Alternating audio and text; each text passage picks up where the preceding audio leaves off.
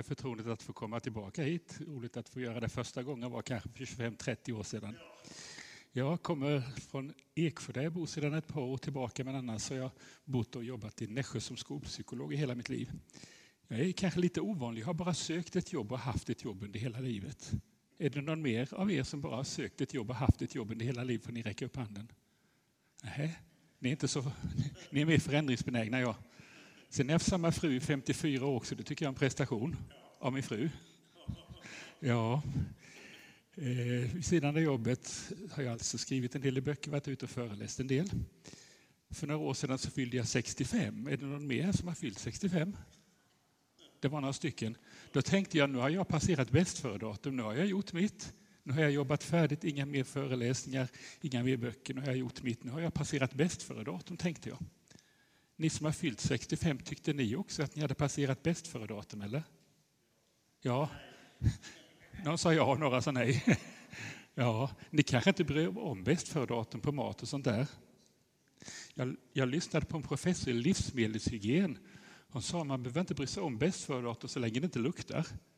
Jag tänker, då kör jag ett tag till och därför står jag här. Ja, jag upptäckte visserligen när jag fyllde 65 och ännu mer när jag fyllde 75 att jag kommit in i GTS-åldern. Det är många pensionärer som kommer in i GTS-åldern. Jag glömmer, tappar och spiller. Är det några mer som har kommit in i den åldern? Ja. Men sen upptäckte jag att jag aldrig varit så klok. Så jag har ju aldrig haft så mycket livserfarenhet som nu, men problemet är bara att komma ihåg det. Ja. Eh, när jag fyllde 65 så tänkte jag också, vad ska jag göra resten av mitt liv? Antingen jag lever ett år till eller blir 101 år som min mamma blev. Vad ska jag göra av all tid jag har?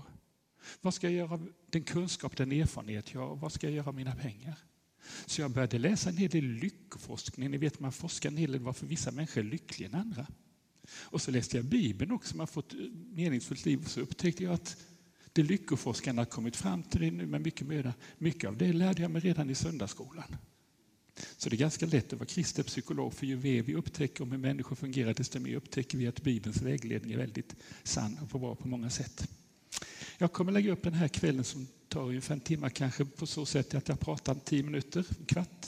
Sen gör jag en liten paus och så får du om du vill chansen att prata med någon som sitter jämte dig i någon minut om vad du tycker och tänker om vad jag har sagt. Och vill du inte det så behöver du inte alls göra det.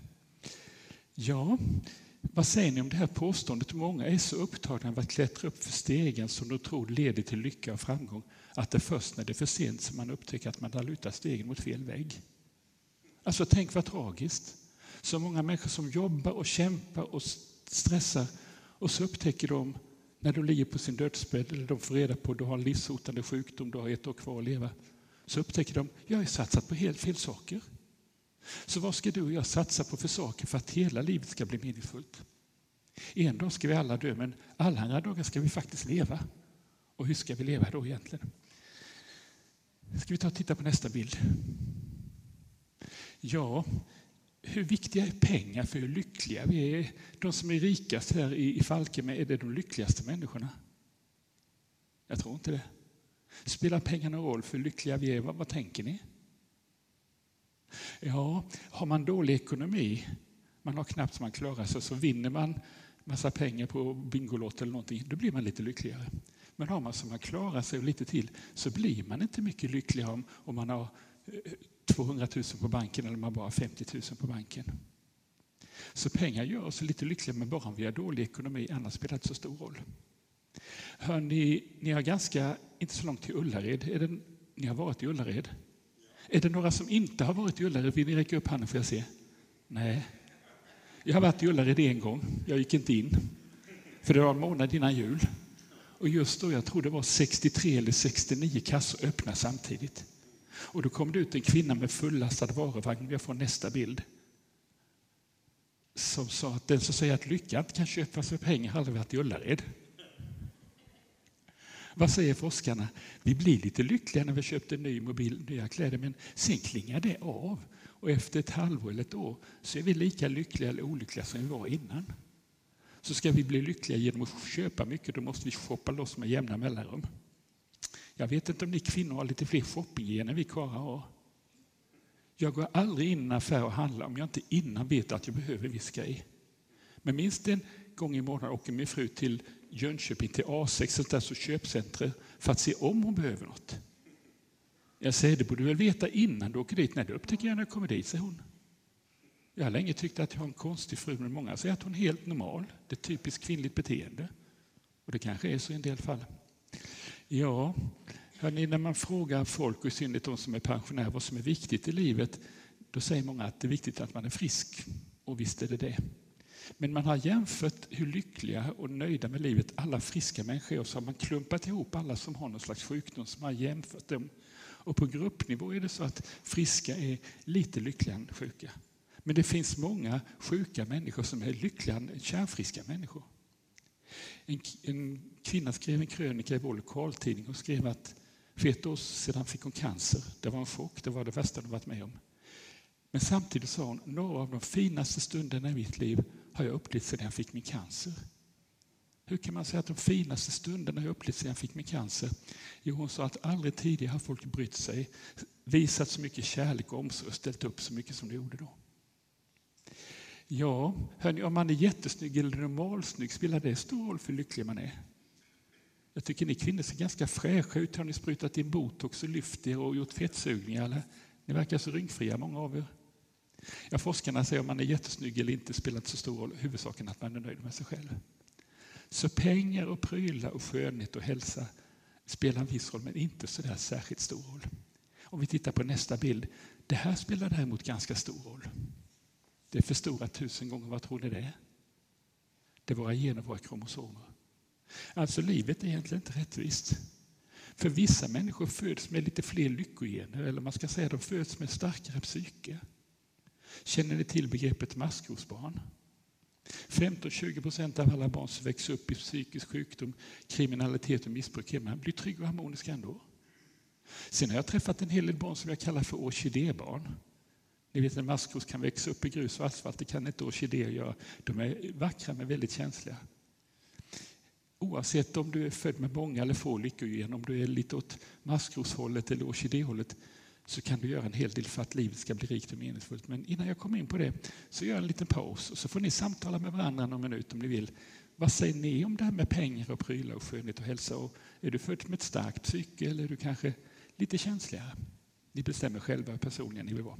Och ni behöver inte redovisa för oss andra vad ni har sagt, så varsågoda och sätt igång.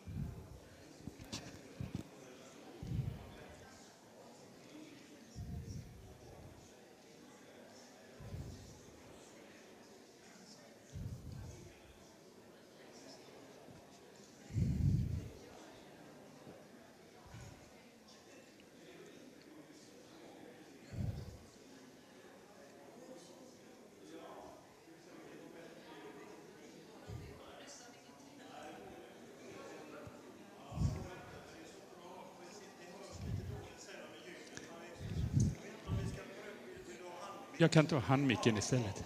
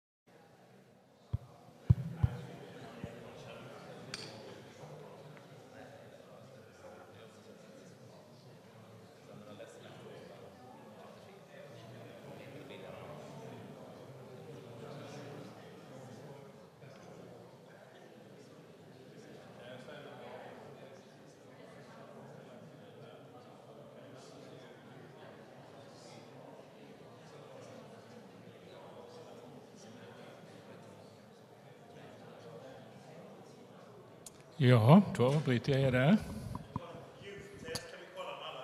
Ja, hörs det bättre nu? Ja, då håller jag den ganska nära så här. Hoppas vi det ska gå bra. Ja, vad ska vi göra för att få ett rikt och meningsfullt liv? Jag ska se, jag ska klicka fram här. Det finns sju saker vi framförallt ska satsa på för att livet ska bli rikt och meningsfullt. För det första, vårda dina relationer. Det är det viktigaste, därför kommer det allra först. Lär dig att vara tacksam, ta inte allt för givet. Bry dig om andra människor. Tänk inte bara på dig själv och att folk med problem, det får socialen och Frälsningsarmén ta hand om. Då blir du inte särskilt lycklig. Sätt upp tydliga mål i livet, även när du har kommit upp några år mitt i livet och som pensionär, så måste man ha mål i livet. Jag har också nya mål i livet. Försök att hitta en livsuppgift. Alla har vi en uppgift och det gäller att hitta den och försöka utveckla den. Förlåt andra som har gjort dig illa och förlåt också dig själv. Jag vet inte vad som du tycker är svårast, att förlåta andra som har sårat dig eller att förlåta dig själv. Ibland är det värre att förlåta sig själv. Och utveckla din existentiella hälsa. Man kan också säga utveckla din andliga hälsa. För folk, eller Världshälsoorganisationen har upptäckt att det finns också något som heter inte bara fysisk och psykisk hälsa utan också andlig existentiell hälsa. Har man en bra andlig hälsa då klarar man livets kriser, utmaningar och sjukdomar på ett ännu bättre sätt faktiskt. De viktigaste relationerna är ju relationerna i familjen och funkar din familj så är det något av ett himmelrike på jorden. Funkar det, det kan det vara ett rent helvete. Vi har fått inblick i en hel del sådana familjer.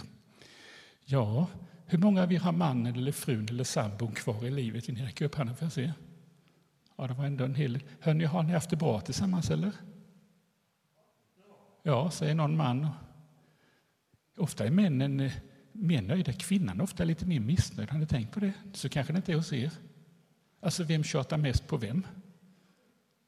Och tittar man på skilsmässostatistiken, en man lämnar i sju fall av tio så är det kvinnan som lämnar mannen. Och en man lämnar nästan aldrig en kvinna bara för att han är missnöjd med henne. Han väntar att han har träffat en ny som han tror är bättre. Det är som det står i Bibeln, inte gott för mannen att vara alena. Det står redan, redan i skapelseberättelsen faktiskt. Ja, hörni, varför är kvinnor ofta mer missnöjda än mannen om man ska generalisera? Jag tror att om man ska generalisera kvinnor överlag lite mer kvalitetsmedvetna. Ni vill ha högre kvalitet för att vara nöjda. Så du som man, om du har en fru som klagar på dig lite grann så tänk inte så mycket usch vad hon tjatar, utan tänk oj vilken kvalitetsmedveten fru jag har. Hon vill kvalitetssäkra vårt äktenskap. Med inte alltid jag tycker det är så lätt att tänka så när min fru påpekar mina svagheter och brister faktiskt. Ja, ett exempel på att kvinnan ofta är lite mer missnöjd eh, kan vi ta och titta på nästa bild. Jag har någon vidare älskar du inte, säger hon. Hur kan du avgöra det på två minuter, säger han. Ja, det kan man ju fundera på. Några tips om att vårda en kärleksrelation. Sen ska ni få lite tips om att vårda en vänskapsrelation också. Men vi tar och tittar på nästa bild. Du får nog klicka fram en till. Kanske se. Eh, investera i kärleksfonden. Jag har upptäckt att ska man satsa på kärleken så ska man satsa ungefär som man satsar på aktier. Vet ni hur man ska göra för att man ska bli rik på aktier? Man ska göra små med regelbundna insättningar oavsett om börsen går upp eller ner. Det är likadant med kärleken. Små bevis på kärlek och omtänksamhet i vardagen betyder mer än en kärlekssemester till Thailand vartannat år. När jag har funderat på vad är det som gör att kärleken mellan Kerstin och mig ibland går den upp och ibland går den ner. Det beror på saker som hon eller jag säger eller gör som tar några sekunder att säga. Som när jag åkte hit så det sista min fru sa Alf, jag älskar dig. Jag har levt på det länge. Tänk bara några kritiska påpekanden. Ja, det är typiskt för dig, du kan inte hålla ordning på någonting. Alltså tänk vad det förstör. Ja, ska vi ta nästa? Eh, upptäck varandras kärleksspråk. Har ni insett att man uppskattar olika kärleksspråk? Det tog många år innan jag upptäckte att min fru uppskattade andra saker än jag. Jag känner mig mest älskad när min fru kramar om mig, och när, jag märker, när hon tar i mig och när jag märker att hon har lust att ligga med mig. Så därför har jag kramat henne jättemycket, för jag trodde hon hade lika stort behov av det som jag, men det hade hon inte alls. Så då frågade jag henne, hur vill du jag ska visa att jag älskar dig? Ja, sa hon. Det är inte det här med kram och kel och smek, nej, sa hon. Nej, det har jag märkt, sa jag. Men när känner du dig älskad? Ja, när jag kommer hem från jobbet och berättar hur jag har haft det. Om du då sitter kvar och lyssnar och lite intresserad, då känner jag mig älskad. Hade jag hållit på i 10-20 år, kramas alltså och pussas, så ska jag bara lyssna om hon har haft det på jobbet. Som jag inte alltid är så intresserad av, för hon säger nästan samma sak varje dag.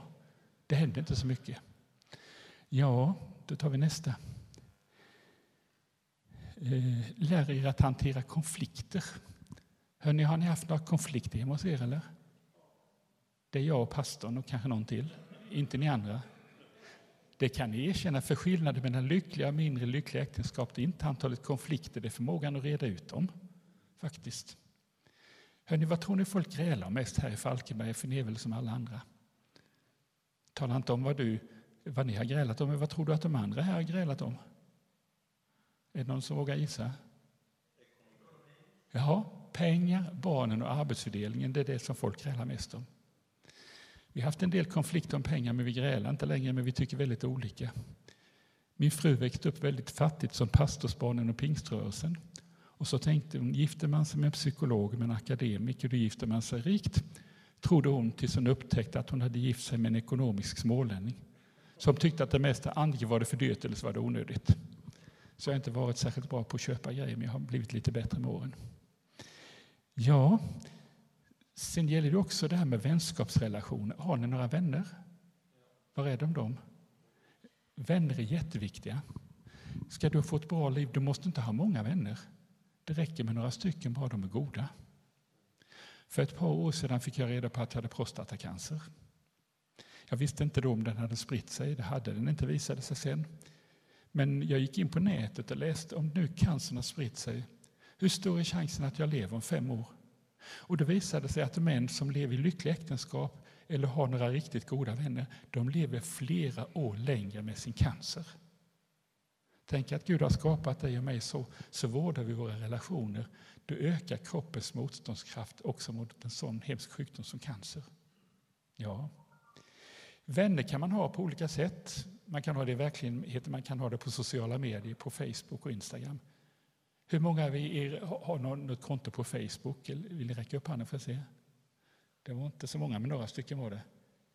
Eh, ska vi titta på nästa bild? Det var en ung tjej som sa, visst umgås jag med mina vänner, jag hänger på Facebook hela tiden. Ni som har barnbarn, har ni koll på hur många gånger de är inne på, på sin, sin mobil en vanlig dag? Det är ett antal gånger vill jag lova. Men det är skillnad på Facebook-vänner och riktiga vänner. En vän till mig sa att han hade närmare 400 vänner på Facebook.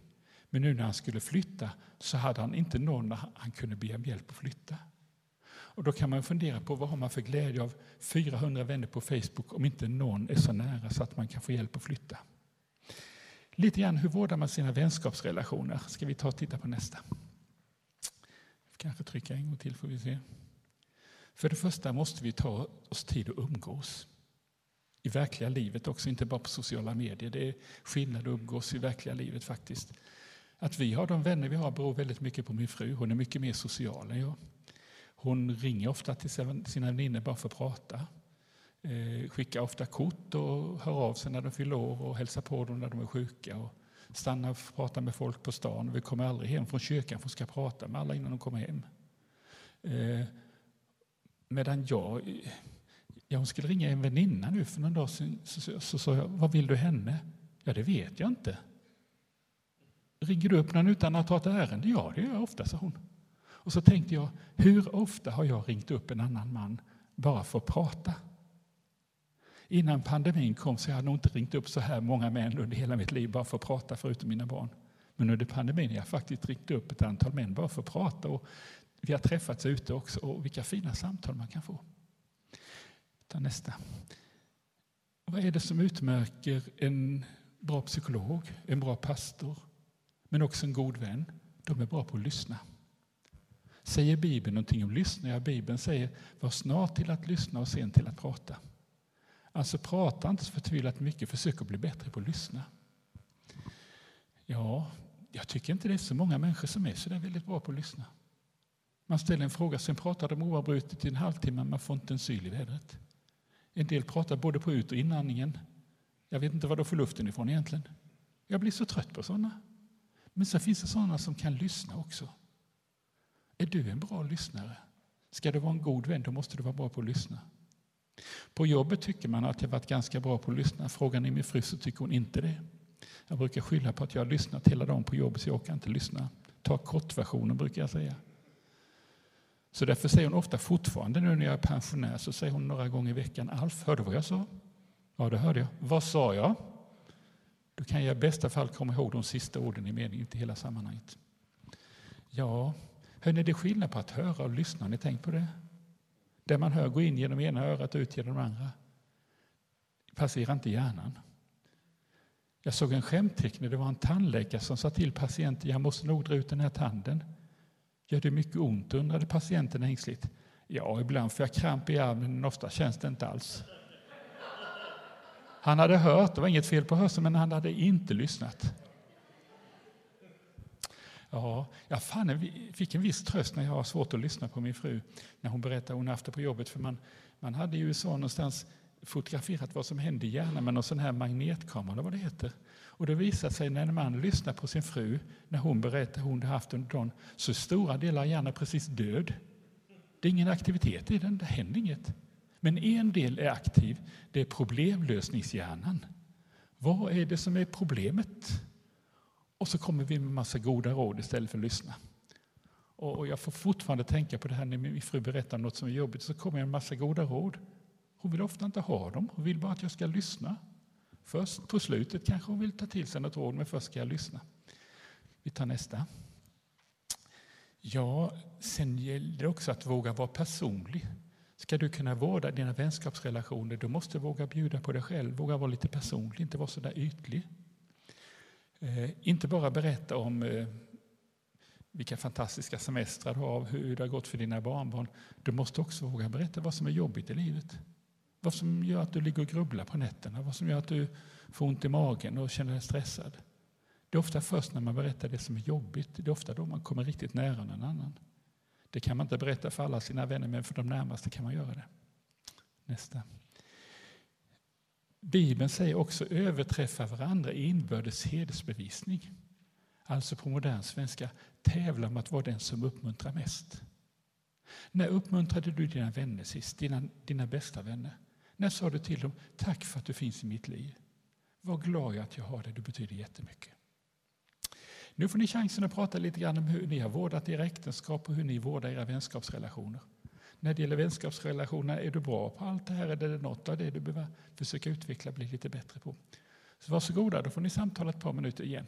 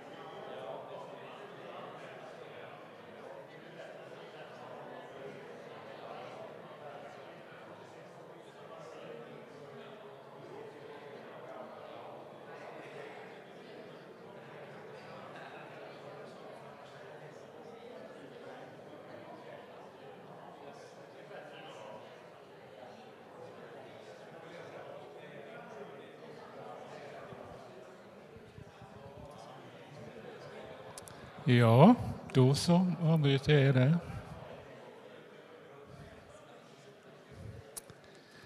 Ja, relationer är det viktigaste, men det finns mycket annat som är viktigt. Vi tar och tittar på nästa bild. Lyckliga människor, människor som lever ett meningsfullt liv, är tacksamma människor. De tar inte allt för givet. Hörrni, har ni sovit gott i natt? Är ni tacksamma för det? Många tar det för givet. Min fru är tacksam för att hon har sovit i natt, för hon somnar ofta först framåt klockan två eller klockan tre. Eh, under mer än 70 år av mitt liv var jag aldrig tacksam för att jag var frisk. Det var först när jag hade fått cancer och jag, den var bortopererad, först då, så nästan varje vecka, så säger jag tack gode Gud att jag är frisk. Innan tog jag det för givet. Ja, vi tar väldigt mycket för givet. Livet är inte rättvist egentligen. Livet är egentligen väldigt orättvist. Men om du tycker att livet är orättvist så titta på nästa bild får vi se vad du säger om den. Om livet var rättvist skulle jag nog ha det ändå värre. Det kanske de flesta av oss kan trösta sig med när vi klagar och tycker att livet är lite jobbigt. Jag är ju pensionär och jag har läst statistik att efter Norge så är Sverige det land i världen som är bäst, näst, säger alltså näst bäst att leva i som pensionär. Vi kanske skulle vara lite mer tacksamma. Vi tar väldigt mycket för givet. Vi tar och tittar på nästa bild. Och vi får kanske trycka en gång till. Vi tar väldigt mycket för givet. Ja. Vi tar ett tryck till nästa rad också. Eh, tacksamhet är ett val. Det finns mycket du kan klaga på. Man får klaga, man får vara missnöjd. Men det finns också du kan vara, mycket du kan vara tacksam för. Eh, jag och min fru vill leva ett lyckligt äktenskap men en sak som jag tycker har varit jobbigt i många år är att jag får alltid vänta på henne. Jag säger till henne, Kerstin, har du en aning om hur många år jag har fått vänta på dig under den tid vi har varit gifta? Alltså, när vi ska äta middag, när jag har ätit färdigt har hon knappt inte börjat.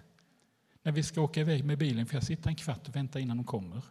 Och i kyrkan eh, kommer vi därifrån nästan sist, för hon ska prata med så många. Och jag har varit missnöjd och sagt, Kerstin, kan du inte snabba dig? Men sen har jag ändrat fokus. Nu är jag tacksam för att jag har en fru att vänta på. För jag tänker, vad är alternativet? Att vakna själv, leva, en, leva själv, somna själv, det skulle vara fruktansvärt. Jag får fortfarande vänta på min fru, men jag är inte irriterad. Jag är tacksam att jag har någon att vänta på. Så du kan välja lite grann. Du ska fokusera på det du är missnöjd med eller vara tacksam för det du, du är tacksam för. Säger Bibeln någonting om tacksamhet? Ja, Bibeln säger tacka hela tiden Gud. Som tur är så säger inte Bibeln tacka Gud för allt som händer. En av våra söner, hans fru har lämnat honom och ganska jobbigt. Vi kan inte tacka Gud för att hans fru har lämnat honom. Men under allt som händer så finns det något vi kan tacka Gud för. Vi kan tacka Gud för att han ändå har klarat det ganska bra och att barnen har klarat det förhållandevis bra. Jag har två nära vänner som har dött i den här fruktansvärda sjukdomen ALS. Ni känner till den? Där musklerna förtvinar. En kvinna träffade jag, hon dog för ett par år sedan. Det hade gått ganska långt. Hon, hade, hon kunde inte äta, hon fick mat genom en sån här pegg i magen. Hade svårt att andas, fick syrgas genom en slang i näsan. Satt i en sån här permobil. Kunde röra ett par fingrar. Och jag frågade henne, är du inte bitter och besviken på Gud? Du vet att du ska snart dö. Din dotter ska snart gifta sig och förmodligen får du inte vara med om det bröllopet. Du får inte se eventuella barnbarn växa upp. Vet ni vad han sa? Jag är så tacksam att jag haft ett bra liv. Och jag är så tacksam att jag inte har ont. Skulle du kunna tänka så? Jag är inte säker på att jag skulle kunna göra det. Men tacksamhet är ett val. Vi tar och tittar på nästa. Du kan lära dig att bli mer tacksam också. Du kan öva upp din tacksamhet. Och jag vill påstå lika viktigt som att vi tränar och motionerar, att vi tränar upp vår tacksamhet. Jag tror det förlänger vår livslängd lika mycket som om vi är fysiskt aktiva och motionerar. Hur kan du lära dig att bli mer, mer tacksam? Jag kanske någon gång varje vecka sätta dig ner och fundera över. Kanske också skriva upp i en liten bok. Vad är jag tacksam för den här veckan? Vad har hänt den här veckan som jag är tacksam för? Och nästa vecka ska du sätta dig ner och tänka på vad jag att vara tacksam för den här veckan. Så ska du försöka komma på en ny sak som du inte var tacksam för förra veckan. Och vecka tre ytterligare en ny sak. Då övar du upp din tacksamhet. Men hörni, det är inte alltid lätt att vara tacksam. Vissa dagar är riktiga skitdagar, om jag får använda det uttrycket. Har ni sådana dagar ibland där det bara det går emot allting, bara strular till sig? Det kanske ni har varit med om också. Men då kan man inte vara tacksam. Jo, när jag lägger mig på kvällen så säger jag tack god Gud att den här skitdagen är över.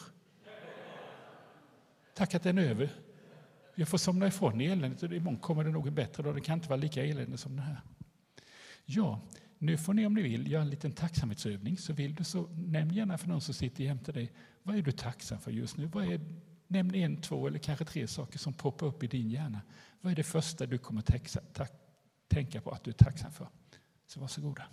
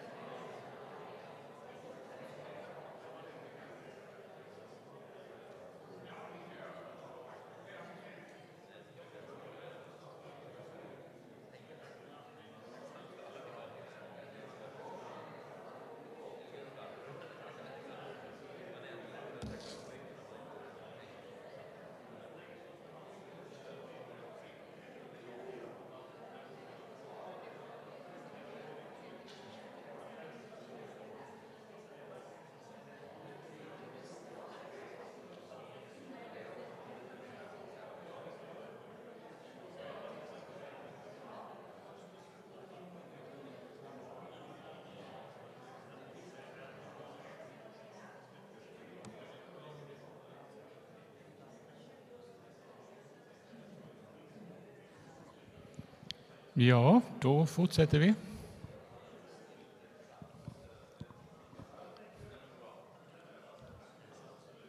Vad härligt att se ett engagemang.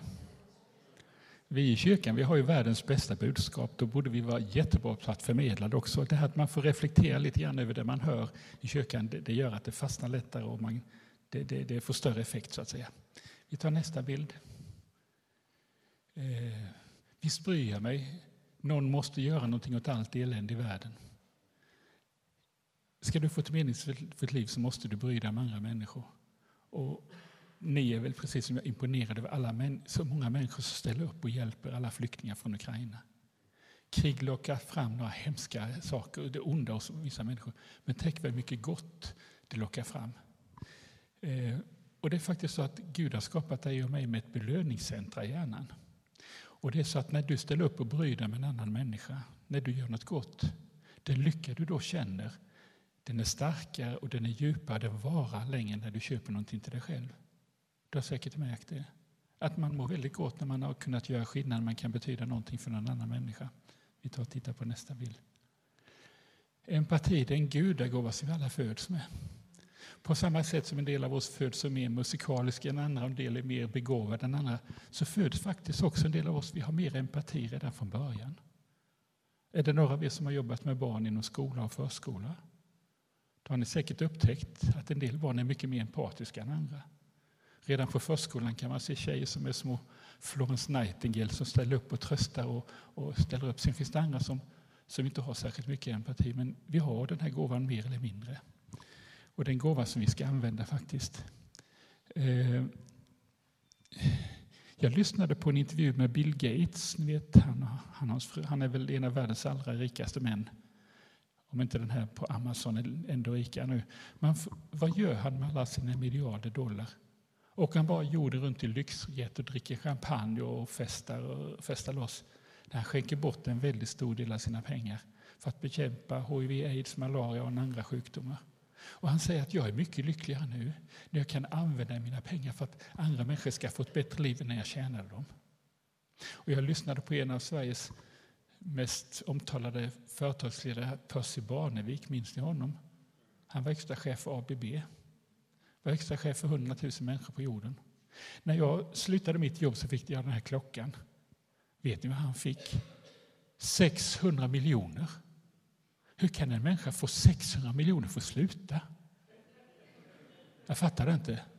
Så det blev en väldig debatt. Han betalade tillbaka några hundra miljoner, men han behöll en del själv. Och vet ni vad han gör nu? Nu ger han mikrolån till kvinnor i uländer så de kan köpa en get, eller en ko eller en symaskin och få ett lite bättre liv för sig och sina barn och sin familj. Här i Sverige är det viktigt med jämställdhet. Han struntar fullständigt i det. Han lånar bara ut pengar till kvinnor, visste ni det? Han lånar bara ut pengar. Män får inte låna av honom. Det betyder inte så i Sverige för oss män om vi går till banken och ska låna pengar till en ny bil. Tänk om de sa, nej vi litar inte på er karlar, skicka din fru så kan hon få låna. Varför lånar han bara ut pengar till kvinnor i u-länder? De betalar tillbaka dem. Många män slarvar bort dem och super upp dem, men kvinnor tar mycket större ansvar. Ja, och du blir själv lycklig också när du bryr dig om andra människor. Eh, ja, det, det sa jag. Godhet är också någonting som smittar. Ni vet att covid smittar och vinterkräksjuka smittar och influensa, maginfluensa smittar. Men godhet smittar också. Hur då? Jo, om du gör något gott för en annan människa så chansen lite större att den människan i sin tur gör något gott för en annan människa. Så goda gärningar som du gör kan få en spridningseffekt, det blir ringar på vattnet. Ja, ska vi få ett meningsfullt liv så måste vi också hitta vår livsuppgift. Ska vi ta nästa bild? Vi kan hoppa över den. Så tar vi nästa. Eh, ska vi se vad det var jag skrev där. Det vore lättare att förverkliga sig själv om man visste vem man var. Ja, det är viktigt att du hittar, hittar dina gåvor, dina talanger om du ska få ett rikt och meningsfullt liv. Och, eh, vi har väldigt många olika gåvor och talanger och det är viktigt att vi upptäcker dem och det finns olika sätt att upptäcka de här gåvorna och talangerna. Ska vi ta och titta på nästa bild. Hur hittar man sin livsuppgift? Vi tar nästa rad också. Eh, vad är du bra på? Det är väl ofta det vanligaste sättet att upptäcka vad man ska satsa på, vad man är bra på. När vi som är pensionärer gick i skolan så hade man en väldigt snäv syn på begåvning. Antingen var man praktisk eller så var man läshuvud. Jag var varken praktisk eller hade läshuvud.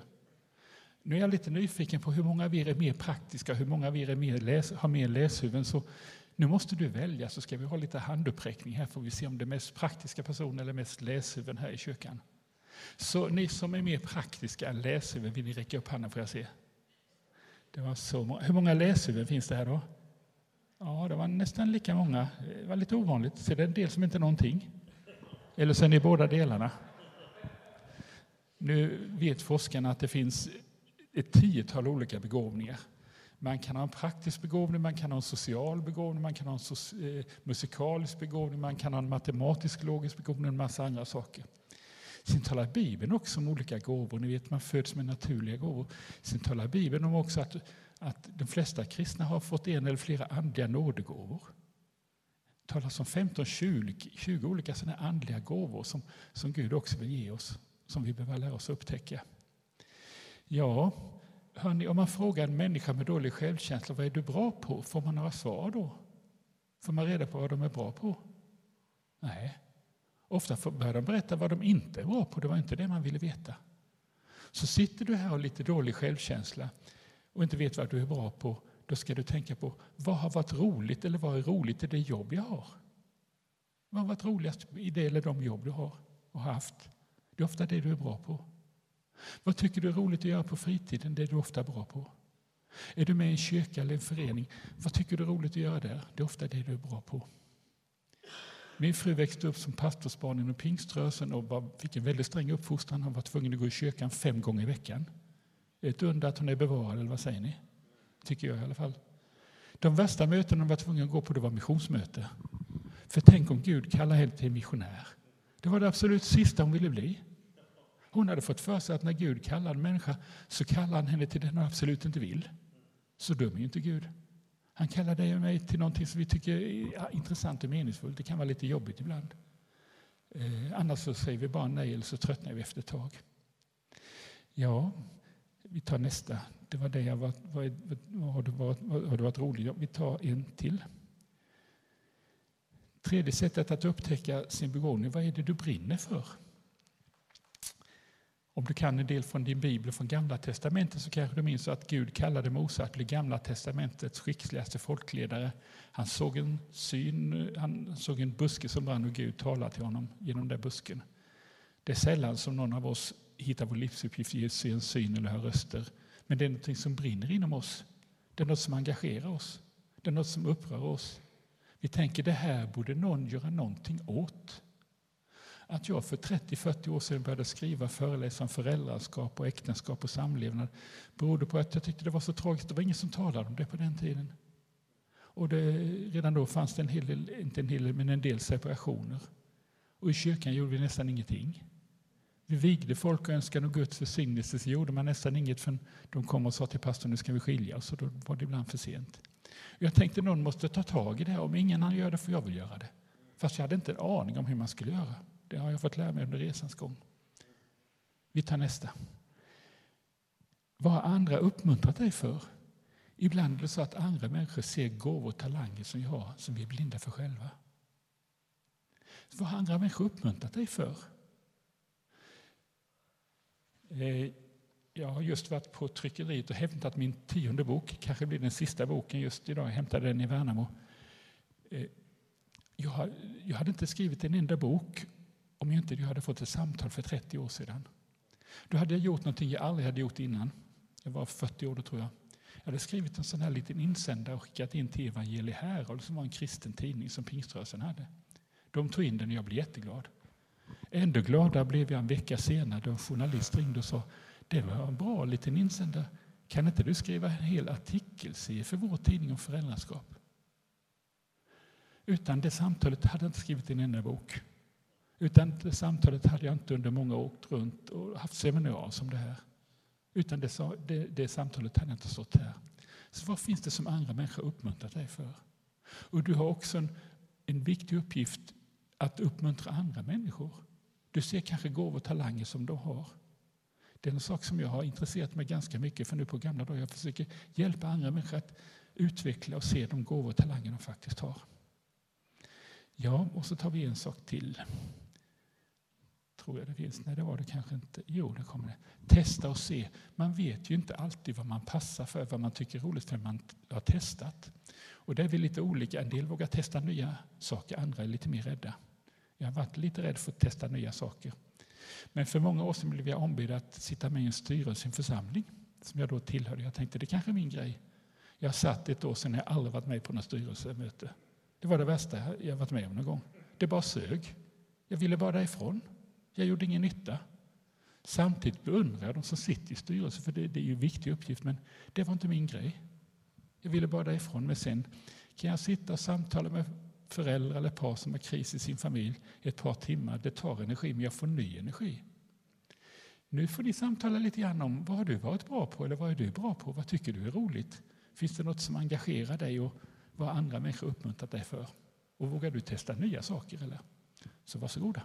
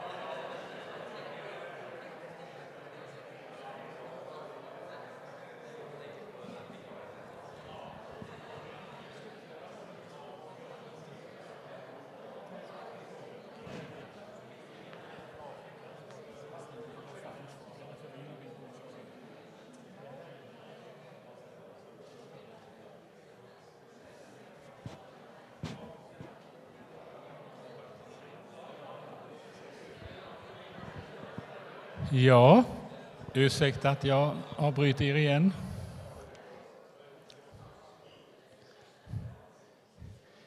En del tror att är de på rätt plats i livet, då misslyckas man aldrig. Men visst misslyckas man även, även om man är på rätt plats i livet. Jag har misslyckats både som psykolog och som pappa och som man. Och de första år, åren när jag misslyckades så tänkte jag att det är ett bevis på att jag är en misslyckad psykolog, en misslyckad man, en misslyckad pappa. Men nu på senare tid så har jag tänkt, tänkt, försökt tänka så här när jag misslyckas. Vad kan jag lära mig av det här misslyckandet? Ett misslyckande är faktiskt ett inlärningstillfälle. Du kan lära dig någonting som gör att du utvecklas och blir lite mer klok och mogen i framtiden. Hör ni, minns ni vem det var som uppfann glödlampan? Fick ni lära er det i skolan? Det var någon som hette Thomas Edison. Det, det sägs att han och hans medarbetare gjorde mer än tusen experiment för att få en glödlampa att funka. Man misslyckades. Då sa hans medarbetare, vi lägger ner det här projektet, vi har misslyckats. Men då sa Thomas Edison, vi har inte misslyckats, nu har vi lärt oss tio saker, eller tusen saker som inte fungerar. Vi har lärt oss jättemycket. Tänk om du och jag kunde tänka så när vi misslyckas, Vad kan, nu kan jag lära mig något nytt. Hörrni, jag vet inte om ni brukar titta på utsändningar från de här Nobelfestligheterna. Min fru brukar titta på alla de här tjusiga klänningarna och diademen och vackra servisen och blommor. Jag tittar lite på det, men sen brukar jag lyssna på ett program som kommer lite senare som heter Snillen spekulerar. Där intervjuar man Nobelpristagare om hur de har lyckats få Nobelpris. Och för några år sedan så intervjuade man en som fick Nobelpriset i kemi. Och då frågade man honom, har du misslyckats någon gång med dina eh, experiment i kemi? Och då sa han, 99 procent av alla experiment jag misslyckats med har jag gjort här misslyckats med. Jag har bara lyckats med en procent av det jag har gjort. Och tänka att man kan få Nobelpris. Den finaste utmärkelsen när man har misslyckats med 99 procent av det man har gjort i sitt yrke. Det kan vara en tröst för dig och mig när vi misslyckas. Ett misslyckande kan också bli, bli en framgångssaga. Känner ni till sådana här små gula post-it-lappar? Ni vet sådana man kan dra och sätta på en vägg. Det, det är resultatet av den försäljningssuccén är resultatet av ett misslyckande. Han som, man skulle tillverka ett superstarkt lim, men var det något som gick fel. Så då blev det ett sånt här lim som man kunde använda flera gånger. Så det, misslyckandet blev en stor försäljningssuccé. Ja, så eh, var inte rädd för att misslyckas. Ska vi ta och titta på nästa bild? Förlåta andra. Jag har fullt sjå med att förlåta sig själv, mig själv. Ska du leva ett rikt och meningsfullt liv så måste du lära dig att förlåta. Jag tror att många vi har varit med om att, att andra har kränkt dig. Du kanske har blivit mobbad i skolan. Du har blivit sårad. Andra människor har behandlat dig illa i din familj eller i, i andra sammanhang. Och det är en konst att kunna förlåta. Har ni hört talas om människor som säger, eller har du mött någon människa som säger det han eller hon sa eller gjorde för tio år sedan, det kommer jag aldrig att förlåta? Har du hört någon sån? Verkar de lyckliga? Verkar de ha ett bra liv? Nej, som någon sa, om man inte förlåter då låser man själv in sig i bitterhetens fängelse och slänger nyckeln. En del har svårt att förlåta för de, de har eh, missförstått vad det är att förlåta. Ska vi titta på nästa bild? Att förlåta det är inte att säga det var inte så farligt, att bagatellisera det. Du får visst säga hur illa du har mått och hur kränkt och hur dåligt du har mått. Du måste inte tona ner det och förminska det. Att förlåta innebär inte att du måste bli vän med den här personen, att du måste tycka om personen, att du måste börja umgås med personen. Det måste du inte alls göra. Att förlåta är inte en känslosak. Någonting som du gör när du inte längre är arg och bitter och hatisk kanske. Att förlåta är inte en känslosak. Ska man vänta till all hat och bitterhet försvunnit, då får man ofta vänta ganska länge. Man säger ibland att man ska glömma och förlåta.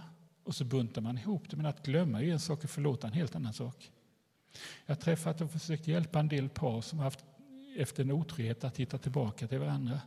En del kan förlåta en otrohet, en del kan inte. Men man kan aldrig glömma en otrohet. Har du varit med om det svek som det innebär? Du kan aldrig glömma det.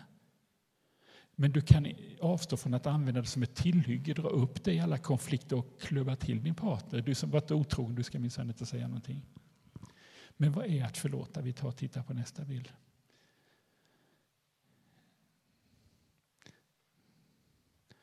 Att förlåta det är att det är en viljesak.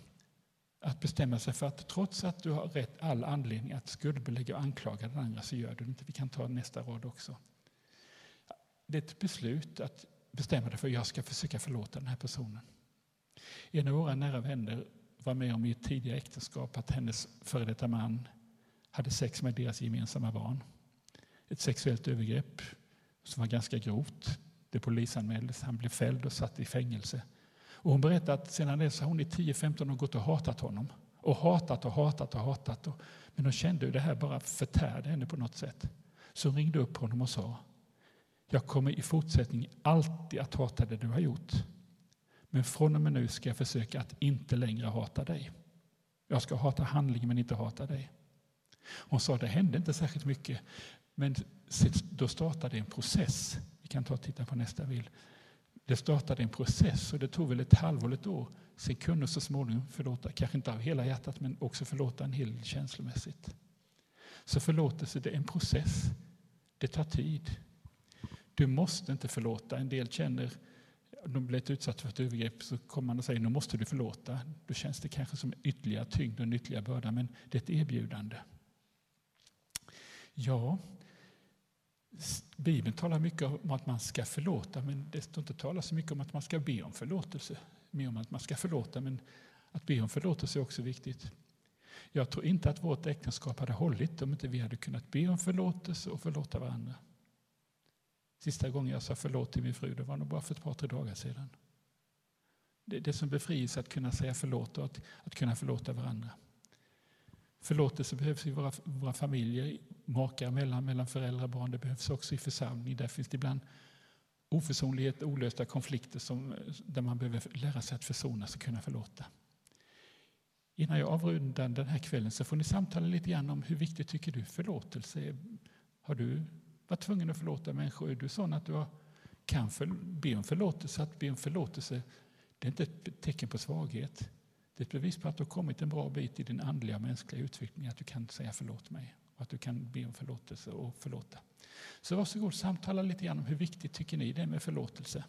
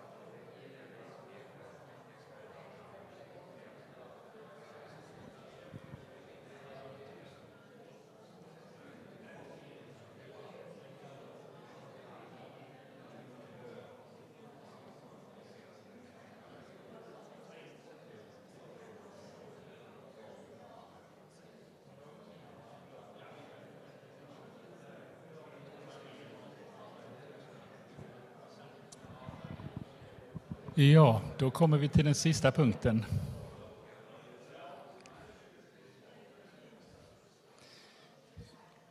Ja, det var det här med andlig hälsa och existentiell hälsa.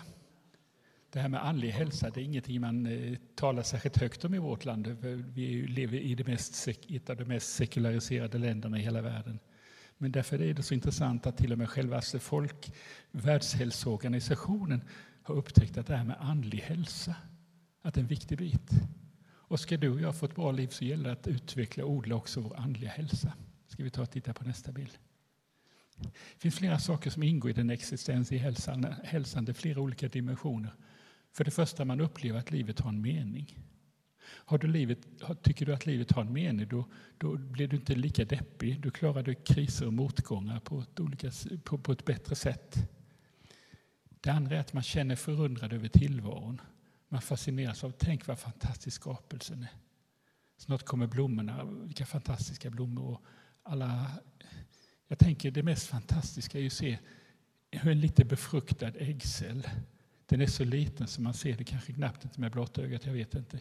I denna lilla mikroskopiska befruktade äggcell finns ett dataprogram som är det mest komplicerade dataprogrammet som, som någonsin har konstruerat, det har Gud konstruerat. Och det finns i den lilla befruktade äggcellen. Där finns ett program som styr hela fosterutvecklingen. Så vissa, vissa celler blir armar och ben, vissa blir innerörats ben, en del blir njure, andra växer upp och blir artärer och vener och vissa blir hjärtat. Och det är helt fantastiskt. Men man är fascinerad över detta. Får jag säga så? Ibland när jag står på toan och kissar så tänker jag det är ju fantastiskt. Köttbullar och falukorv gör att jag kan tänka och fungera och älska. Och så kommer restprodukterna ut här. Det är fantastiskt. Så jag står och tackar Gud när jag står och kissar. Att allting fungerar i hela kroppen. Ja, man upplever en frid, inre frid och harmoni trots att det är ganska stressigt och jobbigt och stökigt omkring så kan man ändå ha man ändå en viss inre grundtrygghet. Det betyder också mycket att man har en personlig tro. Det visar sig att människor klarar inte bara kris, psyk, psykiska kriser bättre man har en tro. Även sjukdomsförloppet underlättas ibland när man har en personlig tro. En viktig del i den existentiella hälsan är att man känner hopp och framtidstro. Det är inte så lätt att göra det när man ser eländet i, i, i Ukraina och när man ser hur matkrisen blir bättre. Men när vi drabbas av en personlig kris eller motgångar så är det väldigt viktigt att man har framtidstro. Min son som har blivit lämnad av sin fru, han är inte helt uppgiven. Han har en framtidstro. Han tror att så småningom kan han få ett bättre liv. Han kanske kan träffa en ny kvinna. Den som har blivit arbetslös, det är viktigt att man har en framtidstro, att man tror att det här kan ordna sig så småningom. Ja, ska vi ta och titta på nästa bild. Det här är en rymdraket. Är ni så gamla så ni minns de här raketuppskjutningarna från Cape Canaveral i USA? Där de här enorma rymdraketerna som väger flera hundra ton, eller tusen ton, jag vet inte. Det går åt fruktansvärt mycket kraft för att en sån här raket ska lyfta. När går den mesta energin åt under en raketuppskjutning? I starten. Sen när det väl har fått upp farten så krävs det inte så mycket mer energi för att öka farten lite grann, men det är starten som är det jobbigaste. Varför visar jag den här bilden? Jo, ska du börja tillämpa någon av de här principerna, de här sju principerna, så, så är det ganska svårt i början när man ska börja med en ny vana. Så därför ska du inte tänka det här ska jag försöka tillämpa. Du ska välja ut en eller två saker av det här. Det här ska jag försöka bli mer medveten om och tillämpa mer systematiskt i, i, i framtiden. Ska du börja vårda dina relationer? Ska du lära dig bli mer tacksam, bry dig mer om andra, utveckla din andlighet, förlåta eller vad det nu kan vara för någonting. Försök att fokusera på en sak när du går härifrån och försök sen börja praktisera det. När får man saker att bli en vana? Man måste göra det mellan 30 och 40 gånger på raken. När man har gjort det så börjar det bli en, en vana faktiskt. Hörrni, till sist vill jag nämna lite grann om den här boken jag har skrivit. Det är min tionde bok och det blir kanske den sista boken. Alla andra mina böcker är faktiskt slutsålda, men den här fick jag från ett förlag i Värnamo. Det handlar om, det går in lite mer på hur du upptäcker alla dina olika gåvor. Det finns så många som inte har upptäckt sina gåvor, många gräver ner sina gåvor. En, gå, en bok du kan ha glädje av själv. Du kan ge det till någon annan vän du vill uppmuntra istället för en blomma. Många pensionärer köper det till sina barn, eller om man har barnbarn i, från 18 år upp, och så har de glädje av den här för att de ska kunna upptäcka sina gåvotalanger.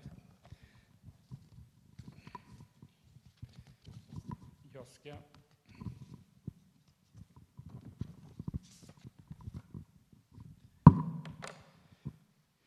Jag fick ett förord till den här boken som jag, som jag läste först nu idag. Och jag tänkte jag ska läsa den. Det är en pastor som heter Brita Bolmenäs som är pastor i Missionskyrkan i Värnamo. Hon skrev så här. Alfs bok är som att öppna ett fönster och släppa in frisk luft. Plötsligt vädras den förlamade känslan av att aldrig räcka till, den vädras ut. Inblåser den glada insikten att också jag har gåvor som jag fått. Gåvor som faktiskt behövs och gör skillnad. Denna bok skulle jag vilja ge till alla. Det finns alldeles för många nedgrävda talanger i oss, i oss som denna, liv så, denna värld så innerligt väl behöver få del av.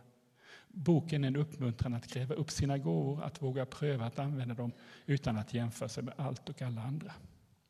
Den finns här ute efter samlingen, kostar 150 kronor. Du kan betala kontant eller så kan du swisha. Hörrni, minns ni första bilden? Många är så upptagna av att klättra upp för stegen som leder till lycka och framgång. Och först när det är för sent upptäcker de att de har lutat stegen mot fel väg. Jag hoppas att du under den här timmen har kunnat få lite tips om vilken väg du ska eh, luta din steg emot. Hur du ska leva resten av ditt liv så att det blir ett meningsfullt liv. Tack för att ni kom hit. Lycka till. Tack ska ni ha. Tack.